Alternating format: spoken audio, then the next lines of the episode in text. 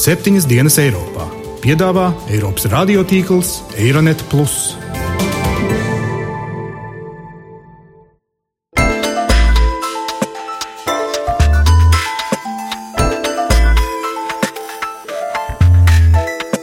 Šonadēļ septiņas dienas Eiropā dzirdēsim. Kaut kādas reformas ir īstenotas. Grieķiem bija vesela tāda traknā paudze. Ja. Jo Grieķijai nav iespējas terēt šo līdzekļu, jo vienkārši līdzekļu nav.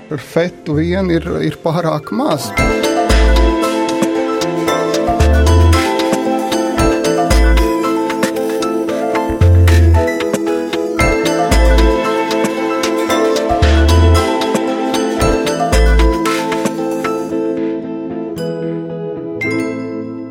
Labdien, godējumie klausītāji! Latvijas radio studijā Kārlis Streips. Klāt jaunākais septiņas dienas Eiropā. Raidījums, kur spriežam, kā Eiropas un pasaules notikumi ietekmē mūs tepat Latvijā.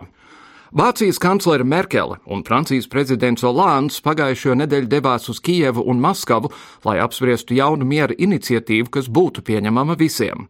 Pirms braukšanas Olands paguva vēl dažu labu brīdināt, ka diplomātija nevar turpināties bezgalīgi. Tālāk šīs sarunas notika paralēli NATO paziņojumam par plāniem stiprināt militāro klātbūtni Austrumēropā.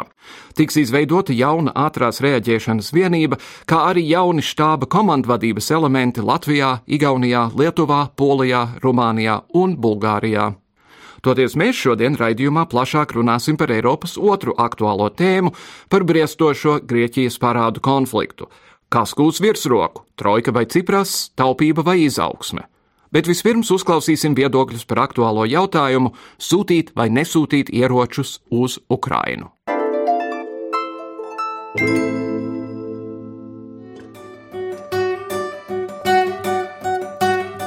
Vai Ukrainai ir nepieciešama militārā palīdzība? Šāds jautājums no jauna kļuvis aktuāls Eiropas Savienībā un NATO. Līdz šim ASV un Eiropas Savienība apgādāja Ukrainu tikai ar neletālo bruņojumu, taču karadarbībai aktivizējoties sabiedrotie uzsver, ka ar to ir par maz, lai Krievijas vadību mudinātu pārstāt atbalstīt separātistus.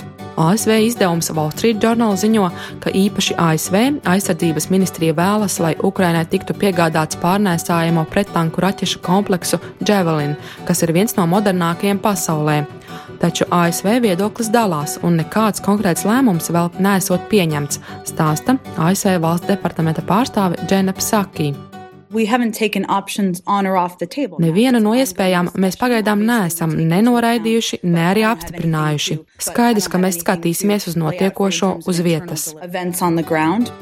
Amerikā nosūtīt uz Ukrainu ieročus visvairāk mincinoties prezidents Bāraks Obama, taču prezidenta izvirzītais kandidāts aizsardzības ministra amatam Eštons Kārters ir sacījis, kas liecas atbalstīt domu par ieroču piegādāšanu. Šajā jautājumā es esmu ļoti nosliecies par, jo uzskatu, ka mums ir jāatbalsta Ukraina tās centienos sevi aizstāvēt. Vislielākās bažas ir, vai militārās palīdzības piešķiršana liks Krievijas prezidentam samazināt atbalstu pro-maskaviskajiem kaujiniekiem, vai tieši pretēji sāsinās konfliktu vēl vairāk. Tieši pēdējais arguments pielika punktu šīm pašām diskusijām pirms gada. Ieceres kritizētāji uzskata, ka ir nepieciešams dot ilgāku laiku, lai pret Krieviju noteiktās sankcijas sasniegtu savus mērķus, bet tie, kas militāro palīdzību atbalsta, ir vienisprātis, ka vienalga, cik labi Ukraina būs sabruņota, Krievija karā uzvarēs. Taču labāks bruņojums Maskavas zaudējumus padarītu lielākus. ASV brīdina, ka bez adekvātas Ukrainas militārās atbildes Krievija šādu pašu taktiku var sākt pielietot arī citās valstīs, tostarp Igaunijā vai Latvijā. Atcaucoties uz amatpersonu ziņojumu vēsta izdevums Washington Post. Neviennozīmīgā ASV attieksme likusi satraukties arī Eiropas Savienībai. Ieroču piegādi ir sākusi apsvērt Francija, Lielbritānija un Polija. Savukārt Vācijas kanclere Angela Merkele norādījusi, ka Vācija nesūtīs Ukrainai ieročus, bet neiebildīs, ja par šādu soli izšķirsies ASV. Ähm, Vācija nesūtīs Ukrainai nekādu nāvējošo letālo bruņojumu. Mēs fokusējamies uz diplomātiskiem risinājumiem. Ārlietu ministri ir skaidri norādījuši, ka, ja situācija pasliktināsies, būs nepieciešams sākt darbu pie jaunām sankcijām. Arī NATO ir norādījusi, ka pati ieročus Ukrainai nesūtīs. Tā atstāja tiesības par šo jautājumu izšķirties pašām dalību valstīm.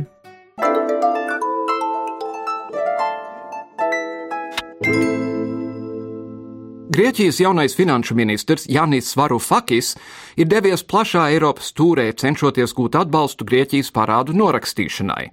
Eiropas politiskajai un finanšu elitei šīs 53 gadus vecais brīvdomātais marksists sagādājis nelielu kultūra šoku.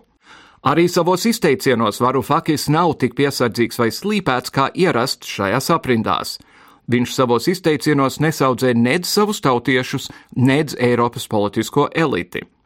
Pēc viņu uzskatiem, pirms finanšu katastrofas grieķi domāja, ka ballīte nekad nebeigsies. Citēju.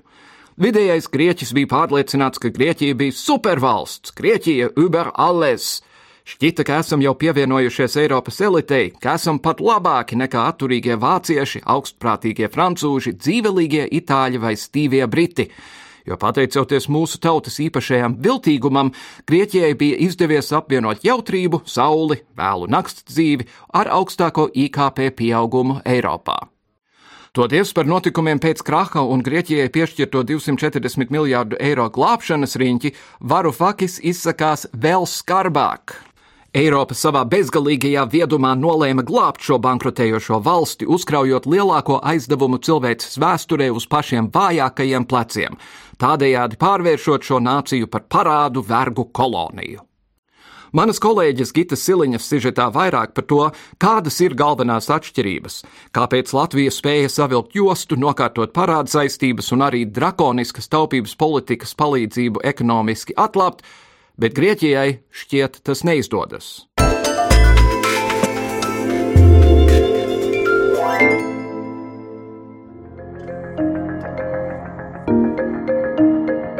Janvāra beigās Grieķijas jaunais finanšu ministrs Jānis Varufakis paziņoja, ka Grieķija atsakās sadarboties ar starptautiskajiem aizdevējiem - Eiropas komisiju, Eiropas centrālo banku un Startautisko valūtas fondu un ievērot valsts glābšanas programmas nosacījumus. Šādu viedokli Varufakis pauda pēc tikšanās ar Eirogrupas prezidentu Jeronu Deiselblūmu. Tāpat Grieķijas valdība pārsteidza Briseli paziņojot par radikālu valsts glābšanas programmas pārskatīšanu, solot atcelt vairākus desmitus privatizāciju darījumu, par kuriem vienošanos ar kreditoriem panāca iepriekšējā valdība. Sekoja arī paziņojums, ka tiks atcelti kreditoriem paustie svarīgākie budžeta solījumi un ka tiks atjaunota minimālā alga līdz pirmskrīzes līmenim, un darbā tiks pieņemti vairāki tūkstoši atlaisto valsts ierēdņu. Februāra sākumā Jānis Varufakis ieradās Parīzē, lai apspriestu Grieķijas parādu nastu ar savu Francijas kolēģi. Varufakis bija devies diplomātiskā ofensīvā, lai pārliecinātu skeptiskos Eirozonas locekļus piekrist plānam tikt vaļā no parāda. Šajā tikšanās reizē Francijas finanšu ministrs Mišels Sapins sacīja, ka Francija būtu gatava palīdzēt Grieķijai izlīdzināt finanses un tomēr arī piebilda. On ne peut pas reconstruire un pays Mēs nevaram atjaunot valsti bez taisnīgas nodokļu sistēmas. Mums ir jācīnās pret krāpšanu nodokļu jomā un nodokļu optimizāciju. Mēs paši ar to cīnāmies gan Eiropā, gan starptautiskā līmenī. Acīm redzam, tas ir kaut kas absolūti nepieciešams arī Grieķijai. Uz to Varufakis paziņoja, ka viņa prioritāte ir Eiropa pirmām kārtām un pēc tam katra valsts atsevišķi.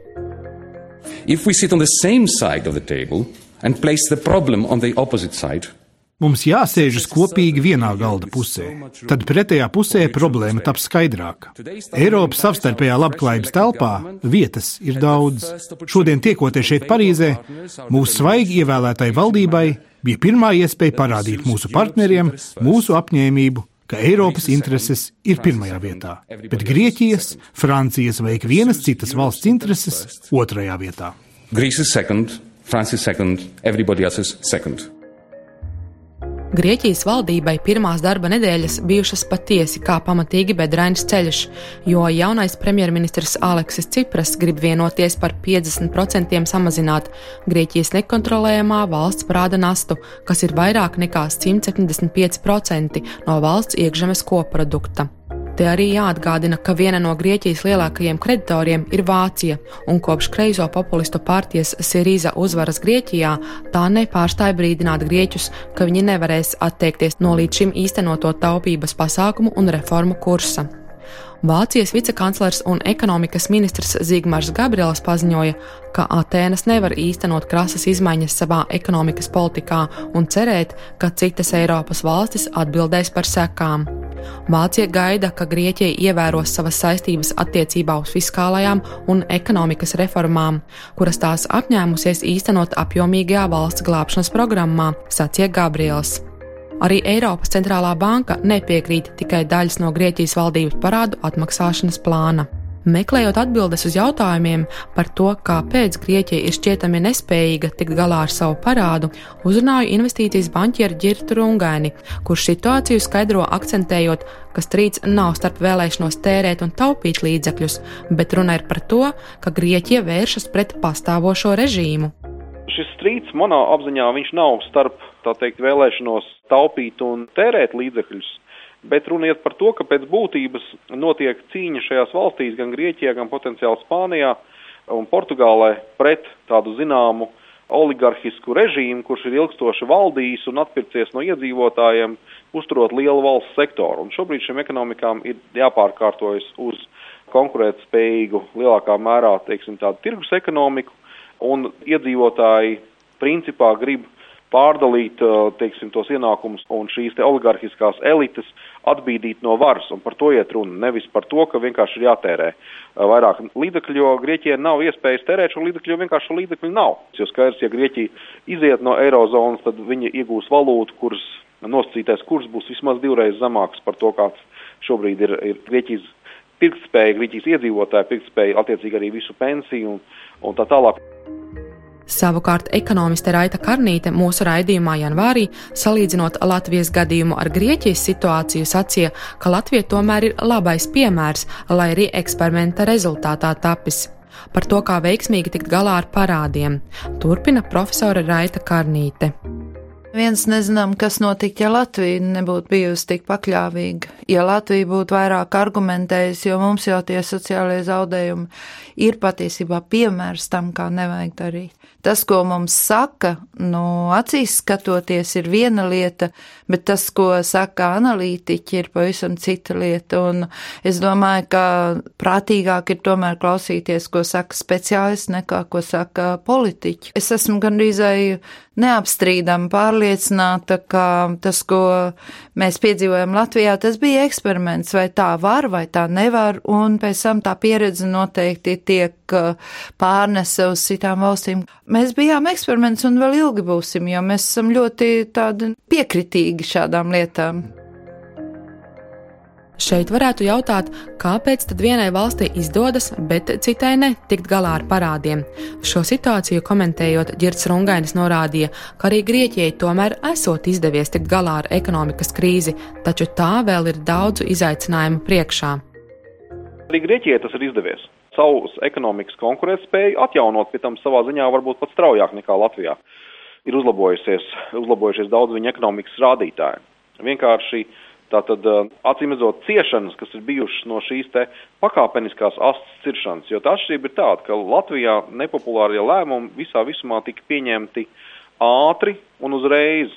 Grieķija turpretī mēģināja savu elektorātu teikt, varbūt mēs varam panākt rezultātu, nocērtot mazliet, un pēc tam, kad viņi nocirta mazliet, tad izrādījās, ka vajag nocirst vēl, un vēl, un vēl, un vēl, un šī te pakāpeniskā astes ciršana respektīvi skrūvju piegriešana ir izrādījusies, man liekas, kaitīgāk nekā lielais grieziens sākumā, un tā ir tā atšķirība.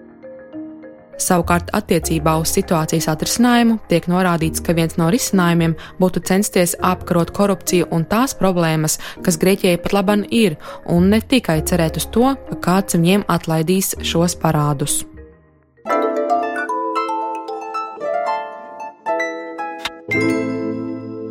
Lai spriestu par to, vai trojkai tikai interesē atlapšana uz papīra, bet grieķu tautas ciešanas tai ir vienaldzīgas, un kāpēc Vācija nav gatava atlaist Grieķijas parādus, kamēr Francija un ASV ir gatavas uz konstruktīvu dialogu, studijā esam aicinājuši Latvijas bankas ekonomistus, starptautisko attiecību un komunikācijas pārvaldes padomnieku Andris Strāzdu un Grieķijas eksperti Ievu Skrīveri. Tātad, labdien! Sāksim, Skrīvers kundze, ar jums. Kas tas ir par grieķiem, ka viņi ir tik eh, nenovīdīgi varbūt un, un reizēm tik slinki? Pats finanšu ministrs, mēs nu pat dzirdējām, ir teicis, vidējais grieķis bija pārliecināts, ka Grieķija bija supervalsts, Grieķija uber alles. Negribētos jau teikt, ka viņi ir slinki, un tas, tas ko mūsu mēdī arī saka, ka grieķi nav pilnīgi neko darījuši, man, man liekas, ir nedaudz pārspīlēts. Kaut kādas reformas ir īstenots, un kaut kas jau tomēr ir noticis. Bet lielākā atšķirība ar to, kas varbūt notika Latvijā un kas notiek Grieķijā, ir, ka Latvijā mēs to jostu savilkām uzreiz, kamēr Grieķijā tas process tika stiepts ilgākā laika posmā, un tas varbūt arī ir tās lielākais sāpes arī tam vidējiem Grieķim, kāpēc viņi mēlējās pārmaiņas gan parlamentā, valdībā un arī viņu pašu valstī un nonāca pie, pie pat labas Sirīza valdības, kas, protams, kampaņa bija viena lieta, tagad saka kaut ko pavisam citu. Nu, tas gan, jā, arī, un īstenībā tas, ko viņi saka, tagad mainās, varētu teikt, ne, pat ne pa nedēļām, pa dienām mainās tas, kā tā valdība sev pozicionē un ko viņi cenšas sasniegt un ko viņi patiesībā sasniegs. Sakat, Straskungs, ja Eiropas Savienība, Pasaules monetārais fonds un tā tālāk palīdz Grieķijai, vai tas nozīmē, ka kaut kas nāk arī no latviešu kabatām? Tiešā veidā šobrīd nē, vai, vai tikpat kā nē. Faktiski mēs redzam, ka nedaudz vairāk ir nācis no Igaunijas kabatas, jo Eiropas Finanšu stabilitātes fonds, kas iepriekš sniedz palīdzību Grieķijai, tur Igauniem tomēr jau bija neliela līdzdalība, mums savukārt tā līdzdalība vēl nebija. Bet, protams, ka nu, teiksim, ekonomiski skaidrs, ka mums arī interesē tas, kas notiek Grieķijā, interesē tā plašākā ietekme uz eirozonu. Tiešā veidā saikne mums ar Grieķiju ir par laimi jāsaka laikam ļoti minimāla. Jā, līdz ar to pašlaik mēs to varam nosacīt kā vērot no malas. Tajā brīdī, kad tie, kas, teiksim, Eiropas centrālo banku vadītāji vai arī finanšu ministri, ko īsti grieķi stāsta? Man liekas, tā galvenais vēstījums viņiem ir tas par to, ka esošais grieķu parādu sloks ir pārāk liels un ka viņiem varbūt būtu nepieciešams kaut kādā veidā šo slogu mazināt. Un otrais ir attiecībā šī finanšu palīdzības programma, nosacījuma, ar ko šī programma tika dota, ka varbūt būtu jāpārskata, ka tie varbūt ir pārāk sāpīgi tieši nabadzīgākajai sabiedrības daļai, bet netiek pietiekami daudz, piemēram, nodokļu iekasēt no bagātākiem grieķiem. Un varbūt būtu jāpārskata, kā šī programma tika būvēta, ar kādiem nosacījumiem grieķiem ir jāsaskars nākamajos gados. Es pieņemu, ka mums ir diezgan daudz klausītāju, kas pat labam pie sevis dungo pats vainīgs, pats vainīgs. Kaut kādā mērā jau tas, protams, arī ir. Jā, tur noteikti ir grieķi paši, kas ir ilgstoši tērējuši vairāk nekā viņi spēja nopelnīt. Tur noteikti ir arī grieķu pašu vaina. Tāpat kā savulaik pie mums bija cilvēki, kas tērēja vairāk nekā varēja nopelnīt. Protams, bet nu, tā lielā fundamentālā viena no tām atšķirībām droši vien ir tāda, ka Mums tie īsti treknie gadi, nu, saka jau, ka viņi tā bībeliski ir septiņi, jā, bet mums tādi īsti trekni bija trīs gadi. Jā. Bet uh, grieķiem faktiski nu, bija vesela tāda treknā paudze. Jā. Tas bija vairāk desmitu gadu, kad uh, Grieķija dzīvoja ar ļoti, ļoti būtisku budžeta deficītu un vienkārši uzkrāja arī milzīgu parādu apjomu, ļoti pakāpeniski. Bet, ja Latvija iegāja 2009. gadā krīzē, tā var teikt, tomēr salīdzinoši ļoti nelielu valdības parādu, Grieķiem jau pirms krīzes šis valdības parāda apjoms bija jau milzīgs. Savukārt, eh, otra lieta, ko ir teicis eh, Grieķijas finanšu ministrs, kurš acīm redzot vēl nav iemācījies diplomātisko valodu, viņš ir teicis, ka Eiropa savā bezgalīgajā viedumā nolēma glābt šo bankrotējušo valsti, tādējādi pārvēršot šo nāciju par parādu vergu koloniju. Briesmīgā Eiropa, vārdu sakot, vainīga. Nu, tas tāds, protams, kolorīts izteikums. Mēs redzam, nu, ka Grieķijas jaunā valdība, nu, viņiem kolorītu trūkumu nevar pārmest. Jā, nu, tas ir skaidrs.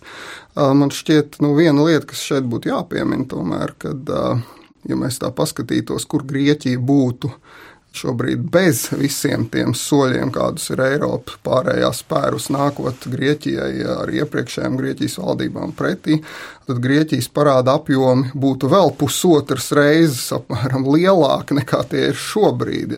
Kur varbūt ir teiksim, tas paradoks ar to jaunās valdības rīcību, ka Grieķijā šobrīd jau parādu sloks šajā brīdī nav tā galvenā problēma, tāpēc ka Grieķija jau ļoti daudz šos aizdevumus saņem šobrīd no nu, tāpat pieminētā valūtas fonda, no dažādām Eiropas fondiem, valstīm un tam līdzīgi par subsidētām procentu likmēm. Tātad procentu likmēm, kas ir ļoti, ļoti zemas, daudz zemākas nekā, ja Grieķijai būtu jāaizņemās tirgu. Līdz ar to procentu maksājumu sloks Grieķijai šobrīd ir nu, ne tik zems kā Latvijai, ja, vai ne tik pat zems kā Vācijai, bet salīdzinoši neliels.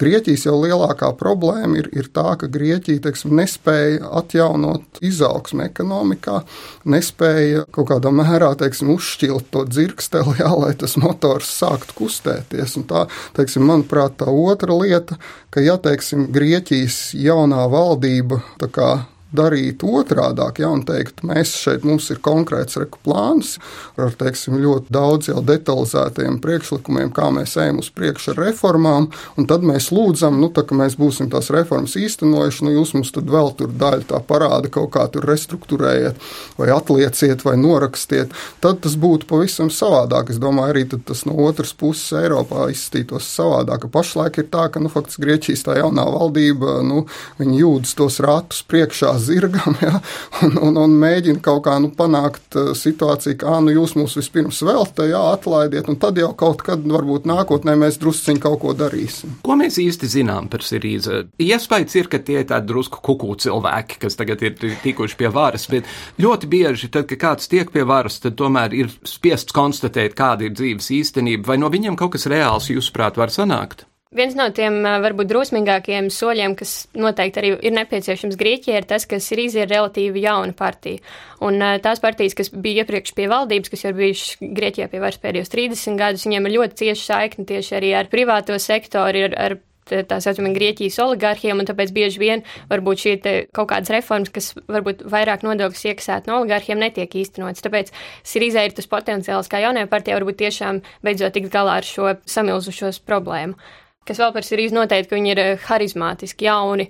Tikai viens no jaunajiem ministriem ir, ir bijis ministrs iepriekš. Pārējie visi ir, vēl tā teikt, politiskās virtuves nesamaitāti, un tāpēc varbūt arī bija tā vēlētāja cerība, ka pēc šīm vēlēšanām beidzot būs kaut kādas pārmaiņas arī viņa dzīvē. Strasdkungs, vai Latvijas cilvēki varētu doties uz Atēnām un teikt, klaučā bulīši, lūk, kā mēs to izdarījām, mēs jums varam palīdzēt? Vai arī tās ir tik atšķirīgas situācijas, ka tur nekas nesanāktu? Atbilde būtu jā un nē. Ja. Mm -hmm. Teiksim, jā, noteikti tādā, tādā izpratnē, ka nu, ir noteikti kaut kādas mācības no Latvijas šīs salīdzinoši straujās spējas pārvarēt krīzi. Tas, ka tiešām mēs nu, faktiski visus nepatīkamos lēmumus pieņēmām, īstenojām nu, faktiski divu gadu laika periodā, un drīz pēc tam arī izaugsme atsākās un atsākās pietiekami strauja izaugsme. Mēs redzējām arī to, ka tomēr Latvijā bija nu, mazliet savādāk arī attiecībā ar pret uh, politiskās atbildības uzņemšanos. Kāpēc varbūt atkal tā nē atbilde, jā, nu, tā kā jā, nē, ka tajā nē pusē Teiksim, Latvija, protams, ļoti lielā mērā krīzi sāk pārvarēt tieši pateicoties eksportam, ļoti straujam eksporta pieaugumam. 2010. gadā, kad arī pasaules tirdzniecība, Eiropas Savienības tirdzniecība ļoti strauji atguvās no 2009. gada krīzes, tirdzniecības apjoma ļoti būtiski pieauga, Latvijas eksporta apjoma arī ļoti būtiski pieauga. Mēs varētu, nu tā, latviešu tas nebūs korekti teikt, bet nu, mēs izeksportējām sevi ārā no krīzes. Ja. Grieķijā vispār eksporta apjomi ir salīdzinoši pret ekonomikas kopējo apjomu ļoti mazi. Faktiski Grieķija ir viena no slēgtākajām ekonomikām, noslēgtākajām ekonomikām Eiropas Savienībā. Salīdzinām ar tādu milzīgu ekonomiku kā Francija, kas arī ir salīdzinoši noslēgta. Bet uh, Grieķijai faktiski nu, šis eksporta apjoms ir nu, relatīvā izteiksmē droši vien uh, nu, gandrīz trīsreiz mazāks nekā Latvijā. Ja? Un līdz, ar, līdz ar to faktiski Grieķijā jau tā galvenā problēma ir, ka nu, nav īsti šīs alternatīvas sākt eksportēt daudz vairāk un tādā veidā iziet no krīzes, un kas faktiski Grieķijai atliek, ņemot vērā atkal to ļoti lielo sabiedriskā sektora īpatsvaru, valdības sektora, pašvaldības sektora īpatsvaru ekonomikā, kas arī savukārt viens no lielākajiem Eiropā. Tad nu, faktiski tikai atliek kaut kā nu, mēģināt kā, palielināt to relatīvo privātā sektora svaru. Tā izskaitā, protams, ar tādas lietas kā privatizācija palīdzību. Jā, vienkārši, lai mazāk būtu valdības sektorā, vairāk būtu privātā sektorā, nu, kaut kādā veidā nu, atkal nu, to dzirksteli piešķilt caur šo privāto sektoru. No tā laikam var secināt, ka pasaulē garšo rokfors, bet negaršo feta. es domāju, no tā drīzāk var secināt, ka vienkārši ar fetu vien ir, ir pārāk maz. Mm -hmm. Pasaulē garšo fetu, bet ar fetu vien ir pārāk maz, lai, lai teiksim, Grieķijā, Grieķijas ekonomikā kopumā varētu iestāties atkal uzplaukums. Ja Eiropa galu galā nāks pretī Grieķijai un darīs kaut ko ārpus kārtas, lai, kas nebūtu citādi darīts, vai nebūs tā, ka tad sāks skrobēties Itālija un Portugāla un citas valstis, kurām arī ir bijušas problēmas, bet kurām tie noteikumi ir bijuši tomēr krietni stingrāki. Nu, protams, protams un, un tas arī ir viens no es domāju, apsvērumiem arī politiski. Šeit mums jāskatās, tomēr nu, viena lieta ir ekonomika, otra lieta ir arī politika. Un tas, kad, piemēram, nu, Grieķijā ir nākus pie varas šī jaunā harizmātiskā, bet vienlaikus arī populistiskā partija, tas arī ir izaicinājums daudziem vadošajiem politiķiem citvietā Eiropā. Un es domāju, ka to, ko varbūt Sīrijas Grieķijā arī līdz galam īsti neapzinās, kad daudz viet citvietā Eiropā būs arī politiska motivācija motivācija neļaut Sirizai jebkādā veidā kļūt par veiksmes stāstu. Ja? Nu, to arī ekonomiski ir grūti iedomāties, ja ņemot vērā to, ko, to, ko viņš šobrīd runā, bet, bet vienlaikus arī vēl papildus nāk šī politiskā dimensija. Mhm. Jā, piemēram, Spānijā vēlēšanas ir plānotas gada beigās, un tur tagad popularitātē pieauga jauna partija Pademus, kas ir ļoti draudzīga ar Sirīzu, un tad, attiecīgi, pašreizējās Spānijas valdība noteikti negrib palīdzēt Sirīzai, lai viņi īstenot savus plānus, jo tas, principā, viņi vēl vairāk palīdz uzvarēt saviem konkurentiem. Tad pēdējais jautājums. Ja galu galā tas nonāks līdz tai vietai, kur Grieķija būs spiest izstāties no Eirozonas, ko tas nozīmēs Eirozonai? Sāksim laikam ar to, pirms cik viegli vai grūti ir izstāties no eirozonas. Eh, un sāksim īstenībā pat ar vēl vienu citu lietu, ka grieķi paši nemaz negrib izstāties no eirozonas. Un arī tā skaitā Grieķijas sabiedrība, ne tikai Grieķijas politiķi, lielākā daļa Grieķijas sabiedrības ir par palikšana Eirozonā. Ja? Līdz ar to tas vēl vairāk apgrūtina nu, kaut kādu tādu veidu radikālu risinājumu, pat ja teiksim, tas varbūt ir teorētiski iedomājams. Ja?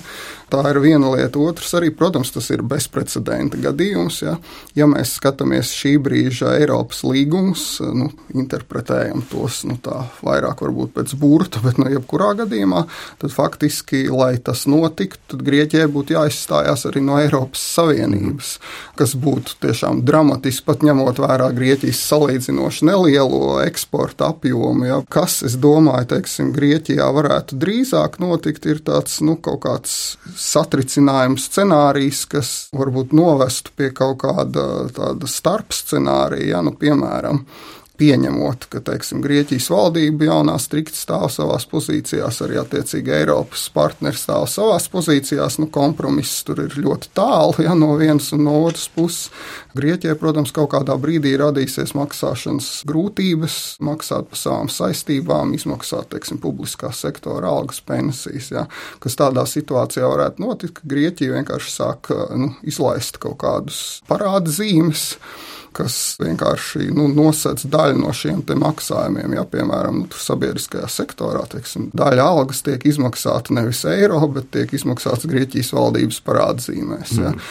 Tas, es domāju, ir kaut kāds nu, arī ļoti varbūt negatīvs scenārijs, ja, bet es domāju, ka tas scenārijs ticamāks. Bet tādā gadījumā automātiski rodas tiešām pēdējais jautājums. Ja Eirozona ļāva vienai valstī nonākt tik tālu, un mēs zinām, ka citas starpā tur ir bijušas finanšu makinācijas un, un nesmuka grāmatvedība un viss pārējais, vai tas nozīmē, ka pašā Eirozonā kaut kas nav kārtībā un kaut kas būtu jāmaina? Es domāju, ka nu, tur būtu svarīgi atkal paskatīties to, ka Eiropa tomēr visus šos atvieglojumus Grieķijai dodot un daļu parādu arī norakstot jau teiksim, šobrīd, nu, skatoties tiešām šodienas izteiksmē, nu, norakstot gandrīz vai trešo daļu ja, jau no, no parādiem, kad Eiropa teiksim, nu, rīkojās labticīgi ja, un gaidīja, kad arī līdzīgi labticīgi rīkosies Grieķijas arī iepriekšējās valdības, tas skaitā arī tagad esošā valdība, un, un arī savukārt pildīs savus solījumus attiecībā uz, uz reformām. Ja. Līdz ar to tā tad ļoti būtiska arī uzticības problēma. Nu, šeit, šeit būs būtiski nu, teiksim, nesaraut to uzticību starp Grieķiju un, un, un pārējo Eiropu. Šobrīd mēs redzam nu, no tādas varbūt mazliet iekšējas informācijas, ka šī uzticība starp, piemēram, Eiropas komisiju un Grieķijas valdību vai, vai teiksim, Grieķijas eliti, viņa vēl joprojām nu, kaut kādā mērā pastāv bet savukārt, piemēram, starp Grieķijas valdību un Startautisko valūtas fondu, nu, viņa tiešām pilnībā grūst kopā. Mm. Ja? Un tas ir teiksim, ļoti būtiski, man liekas, un ļoti bīstami arī, jo valūtas fonds, protams, ir šādās situācijās ļoti būtisks spēlētājs. Un, laikam, tad nobeidzot jāsaka, ja visas valstis ievērotu Maastrichtas kritērijas, tad labi jau būtu. Diemžēl tās tā nedara. Nu, tas gan jā. Labi. Andris Strasts un Ieva Skrīver no Latvijas Bankas. Paldies jums abiem par sarunu. Paldies. Paldies. Žurnālistika nav noziegums. Mēs septiņas dienas Eiropā, protams, priecājamies par Pētera Grestas izkļūšanu no Eģiptes ieslodzījuma, bet uzskatām, kamēr pārējie nepatiesi apsūdzētie žurnālisti netiks atbrīvoti, šis tiesvedības fars nebūs galā. Atgriežoties mājās Austrālijā, žurnālists Pēteris Greste mēdījiem norādīja, ka viņa prieku par atbrīvošanu mazina bažas par kolēģu un pārējo ieslodzīto likteni. Situāciju komentēt aicinājām žurnālistu Sandiju Semjonovu. Loģiski, ka tas tā ir, protams, jo tomēr viņi tika aizturēti visi trietā un vēl tur vairāk cilvēki. Tā kā loģiski, ka tas ir tāds, um, nu, kaut kāds līdzatbildības princips, jo gal galā viņi strādā vienā kompānijā. Un ja mm, otrajam kolēģim, kas, kam arī ir Kanādas pilsonība, viņam ir gan Kanādas, gan Ēģiptes pilsonība, ir liels cerības arī, nu, faktiski tas ir tikai arī laika jautājums. Tad trešajam kolēģim tā situācija ir vissliktākā, jo viņam tikai ir Ēģiptes pilsonība un šajā gadījumā ja lietu sāks izskatīt vēlreiz, tas var ievilkties ļoti ilgi, un tas sanāk, ka faktiski pēc būtības tad uh, cilvēks atrodas apcietinājumā tikai tādēļ, ka viņš nav pareizās valsts pilsonis.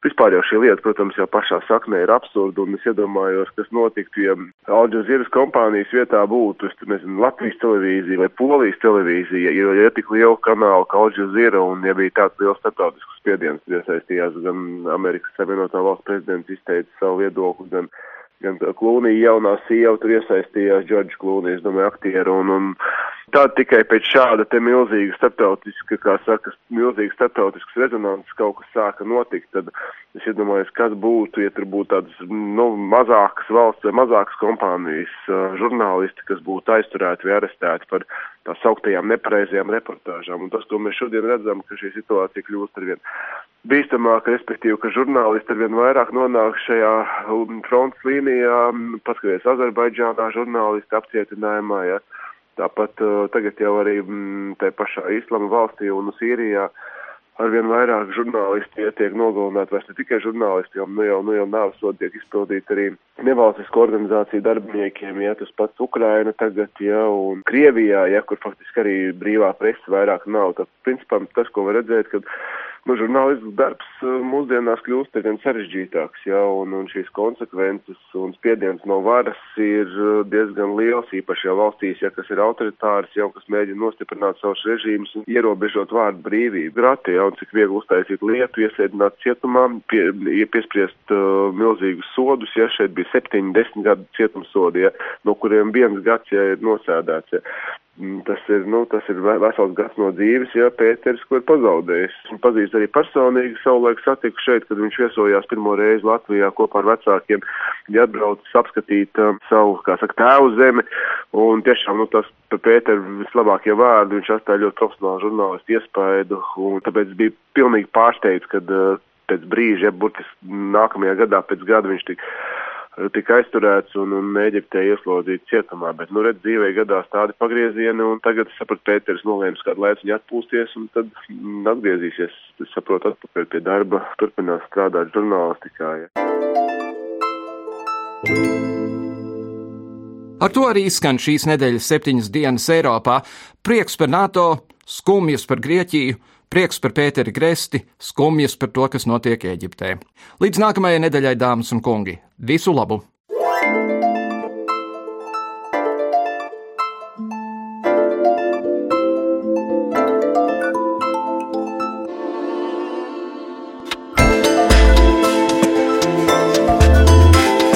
Raidījumu veido Kārlis Streips, Gita Siliņa un Jānis Krops. Producents Lukas Rozītis.